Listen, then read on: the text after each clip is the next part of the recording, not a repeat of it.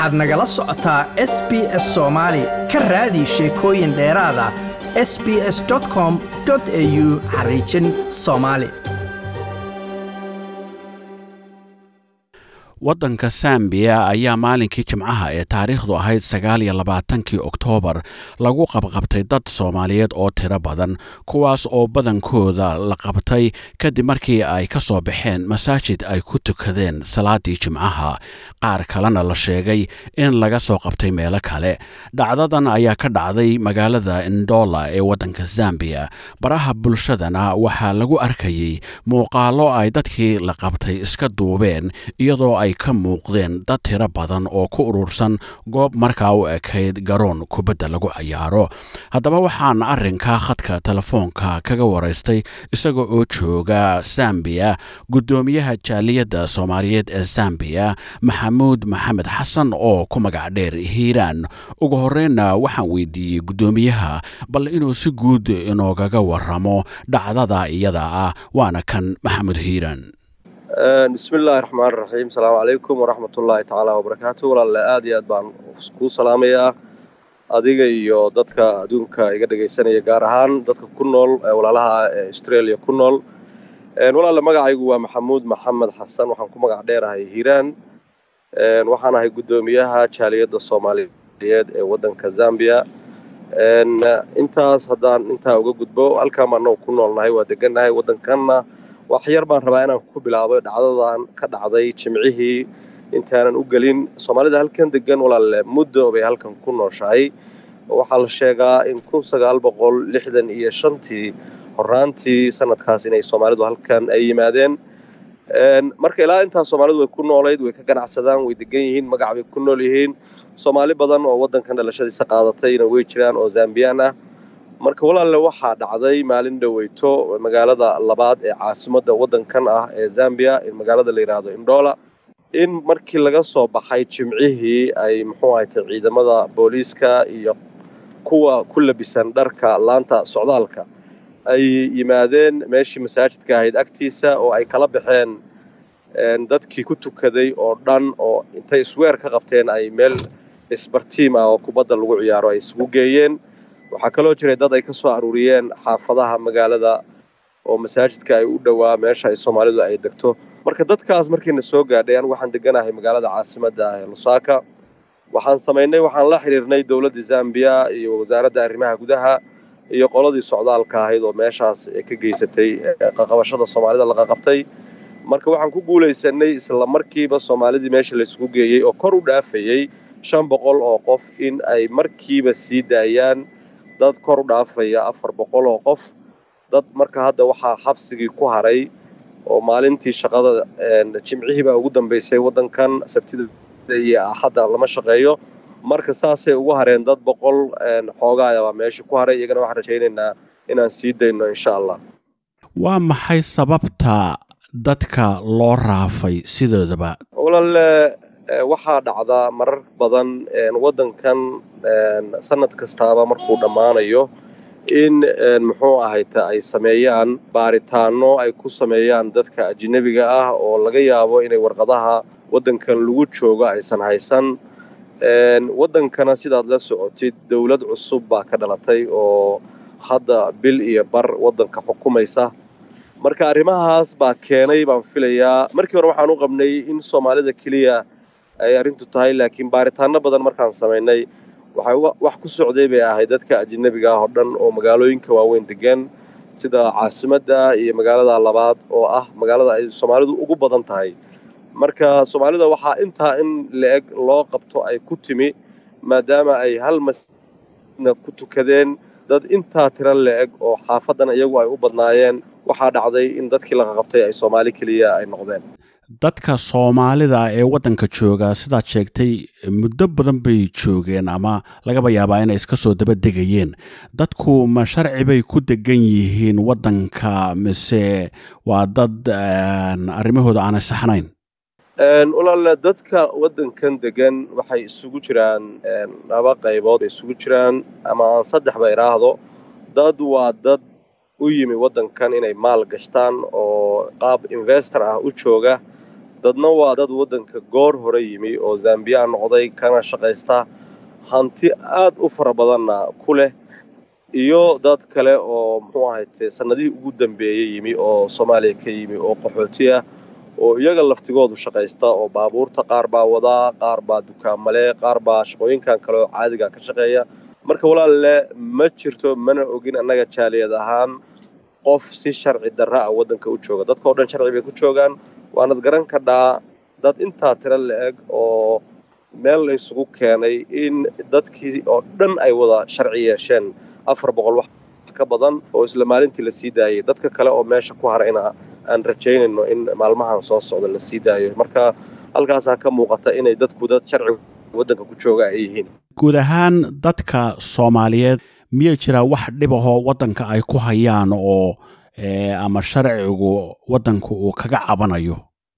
May walaalle ma jirto soomaalida waddankan inta ay degan yihiin oo taariikhda intaa dhar la-eg oo sidaa u dheer ah. Ma jirto wax ay kaga duwan yihiin dadka kale oo ajanabiga ah oo waddanka degan waddanka nabad baan ku haysanaa soomaalidana iyaguna waddanka si fiican bay u degan yihiin oo muxuu ahayte si qaab daran oo sharci darro ah oo dawladdu ay ka cabato oo ama aan dhibaato ku hayno dadka aan la degannahay oo zambiyaanka ah walaalle ma jirto. Bal ee iyagaan wax tarnaa markay waxyaalo ku dhacaan. Sida hadda arrintii ugu dambaysay oo covid nineteen ama covid sagaal iyo toban waa caawinay waxbaan dawladda siinay iyo shacabkeedaba. Marar badan oo dhibaatooyin noocaas oo kale ay dawladda iyo shacabkaba ku dhacaan. Waa caawinaa waa isku xidhannahay marka arrintan waxay ahayd arrin si kadisa u dhacday oo runtii ay ay dadka oo dhan oo ajanabiga ay ku samaynayaan laakiin annaga si gooniya noo taabatay maadaama dad intaa tiro leeg la xirxiray marka dawladdu ma dad gaarahoo ay beegsanayaan baa jira baad isleedahay may walaalle ma ma islihin mana mana u malaynayno. Keliya waxaan u malaynaynaa maadaama ay dawlad cusub dhalatay dadka ajanabiga ahna la rabo in la ogaado tirakoobkooda iyo inta ay waddanka ku joogaan lagana yaabo dadka waddanka u dhashay oo shaqaalaha iyo dadyowga kale oo muxuu ahayte shaqooyinka yaryar ka shaqaysta inay mararka qaarkood ka cawdaan in dad ajanabiya oo badan shaqooyinkoodii ay ka qaadeen muxuu ahayte wixii ay ka shaqayn lahaayeen iyagu ka xigsadeen oo lagana yaabo in meel kasta oo qof uu ku yahay ajanabi ay ka dhacdo. Waad garan ka dhahda dawladda iyo shacabku marna walba isku mid maahan marka waxyaalahaasaa keeni karaan is leeyahay laakiin nacayb ah dad goonni ah in la ugaarsanayo ma jirto gebi ahaanba. Maxamuudow dadka ku hadhay jeelkee aad sheegtay maxay ula hadheen dadka? Dadka walaalle waxaa loogu haray meesha loogu reebay. Markii ay horta dadka qabteen waxay ahayd markii salaada jimcaha laga soo baxay. Intii ay dadka kala gurgurayeen baa waxaa ka dhacay xilligii ka dhacay habeennimay noqotay dadkaas marka waxaa la yidhi maalinta ku xigta maalintii jimcaha ahayd baan kala guraynaa oo iyaguna ay soo baxayaan. Dadyo marka waxaa jiray dukumentiyadooodii guryaha uga soo tegey qaar muxuu ahayd laga yaabo markaas in xoogaa wuxuun khalada ay qolada dawladdu ay tiri waa ku way ku arkeen. Marka maalintii sabtida ahayd iyo axaddiina jeelashu ma shaqeeyaan laakiin dawladdu waxay amartay in la sii daayo. Marka arrimahaasay ugu baaqdeen oo iska xilligoo dhacay sabti iyo axado ay ku soo beegmeen waxaan rajaynaynaa marka maantay iyo beri iyo wixii ka dambeeya in la sii dayn doono insha allah. Marka waxaan maqlay dawladda amartay in la sii daayo miyaa tidhi? Dawladda zambiya baaritaan in lagu sameeyo oo ay dadkan la sii daayay amadha idinku sideebaad markaad la hadasheen dawladda aad si sahlan markiiba uga dhaadhiciseen dadka inta dadkaasoo dhan la sii daayo? Wallaahi walaalow waddanka dee cabaarna waa degannahay dawladdana xiriir baan la leenahay inkastoo ay cusub tahay waxa dhacayna way garan kareen in laga yaabo qaabka ay u mareen inuu muxuu ahayteen mas'uuliyiintu waaweyn oo sida wasiirka iyo ninka laanta socdaalka ugu sarreeya iskartooda hoose inay qaab khaldan ay sameeyeen. Oo waxaa ka mid ahaa qaabka khaldan qof zambiyaan ah laakiin soomaali ka soo jeeda dhalashadiisu ay soomaali tahay wiil waddanka ku dhashay oo arday ah oo zambiyaan ah oo laakiin soomaaliya nin investor ah oo dhalasho kala haysta oo soomaaliya in dadkii oo dhan laysku daray oo la xaabiyey oo aan qofna la weydiin warqadiisii iyo waddanka ogolaanshihii uu ku joogay. Marka mas'uulka weyn oo muxuu ahayte loo dacwoodo uu garan karaa waxaas inay wax khaldan yihiin. Ma jiraa dad kale oo afrikaan ah oo sidan oo kale qaflad loogu qabtay oo la raafay way dhacdaa mararka qaarkood. Hadda ka hor waxay ku dhacday kongoliiska waxay ku dhacday ruwandiiska waxay ku dhacday burundiiska marka way dhacdaa dadka waxay ku xiran tahay nambarka ay waddanka ku joogaan. Markaas dadka afrikaanka ah waxaa kaloo jira dad aad u fara badan iyaguna oo mararka qaarkood ay ku dhacdo dadka qoomiyadaha ka yimi wadanka gobolladaas west africadoo kale oo iyaguna waddankan jooga way ku dhacdaa. Marka runtii waa waxyaalo iska dhacdhaca wey mararka qaarkood.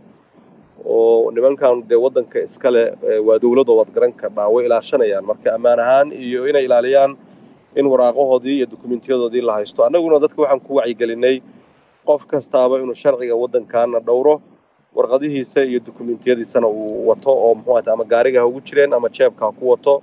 Aad baana runtii arrintaas uga taxadirnaa in ay dhacdo in qof aan waxba haysan uu waddanka iska joogo safaaradda soomaaliyeed wax taageera ah miyay arrintan ka geysatay? Faraha ma la soo gashay? Walaale safaaradda soomaalida iyo iyo dadka halkan degan way isku xiran yihiin. Oo sidaa og tahay ma dhowaan safaaradda dadka jaaliyadda halkan degan baa dayac tiray. Laakiin nasiib darro waxaa dhacday safiirkii oo safar ku maqan bay arrintaani dhacday. Laakiin dadaal weyn bay sameeyeen iyada iyo safiirka waa gabar iyo wasaaradda arrimaha dibaddu. Xiriir aad u fara badan bay dowladdan la sameeyeen. Runtii waa uga mahad celinaynaa wasaaradda arrimaha dibadda iyo safaaradda soomaalida ee waddanka zambia. Aad iyo aad bay uga shaqeeyeen. Ilaa haddana way ka shaqaynayaan waana ku dhex jiraan. Marka way soo farageliyeen iyagoo oo muxuu ahayte aan waddanka joogin aad bayna ula xiriireen. Waana dareemayaa in muxuu ahayte ay dowladdu qaadan doonto. Xiriir badanna way la soo sameeyeen marka aad baan uga mahad celinaynaa runtii waa waa mar walba ay u taagan yihiin safaaradda halkan joogta in ay dadka muxuu ahayte ay caawiyaan soomaalida wayna soo farageliyeen inta aan ogahay sawirada aanu aragnay ama fideoyada yaryar oo dadku moobiladooda ku soo duubayeen markii dadka lagu soo aruurinayay meesha u ekayd garoon ciyaara u ekayd wax dee aad loola yaabay bay ahayd runtii. Maadaama iminka dadka badankiisii la sii daayey sida aad sheegtayna qaar weli ay ku hadheen meeshii maxaad iminka rajaynaysaan inay dhici doonaan? Walaal waxaan rajaynaynaa in la sii daayo oo aan meesha lagu hayn oo waddankan sharcigiisa baa wuxuu dhigayaa qofka inaan lahayn karin muddo ka badan afar iyo labaatan saacadood. Marka sharciyan baysan u hayn karinba qofkii markaa wax ka khaldan yihiinna maxkamad baa la geynayaa. Marka waa la sii daynayaa. Arrintan noo taal hadda dowladda iyo jaaliyadda aan rabno inaan ka wada hadalno waxa weeye inaan mar dambe waxaana aysan soo laaban. Maxaad guddoomiye ugu dambeyn kula talin lahayd dadka soomaaliyeed oo ku maqlaya oo meeshay doonaanba ha joogaan oo laga yaaba inay u soo hanqal taagayaan inay waddanka sambiya soo aadaan? Walaale aad baa u mahadsan tahay. Dadka soomaaliyeed ee dhegaysanayaa oo laga yaabo inay waddankan yimaadaan ama ay soo aadaan. Horta waddankan waa waddan xora dimuqraadiyadoodana aad ay ugu dhegan yihiin. Sharciguna uu weyn yahay. Waxaan kula talin lahaa inay nidaamka iyo sharciyada waddankan u yaalla iyaga oo dhowraya ay fiiriyaan wax walbana waxay ku jiraan muxuu ahayte systemkooda wasaaradda arrimaha dibadda iyo wasaaradda arrimaha gudaha. Intaba way ka helayaan marka waddankan waa waddan hadda curdan ah dowlad cusub oo runtii aad loogu hanweyn yahay ay ka dhalatay. Insha allah marka cid la soo xidhiidhay oo ileh waa imaanaynaa ma arag laakiin waa waddamada aadka ugu nabadgelyada wanaagsan afrikadan lagu nool yahay oo muxuu ahayte central africada marka waana waddanku waa waddan wanaagsan oo wax dhibaataa hadda. Arrintaa yartaa oo iska dhacday maahane nala ku haya soomaali ahaan ma jirto iyo ugaarsi gooni. ah kaasina wuxuu ahaa maxamuud maxamed xasan oo ku magac dheer hiiraan ahna guddoomiyaha jaaliyadda soomaaliyeed ee waddanka zambiya oo telefoonka noogaga warramay. Dadkii soomaaliyeed ee maalinkii jimcaha laga raafay magaalada ndoola ee zambiya kuwaas oo markii dambe sida uu maxamuud inoo sheegay intoodii badnayd la sii daayey ma doonaysaa sheekooyinkan oo kale? Ka dhegayso apple podcast google podcast spotify ama meel kasta oo aad bodkastigaaga ka hesho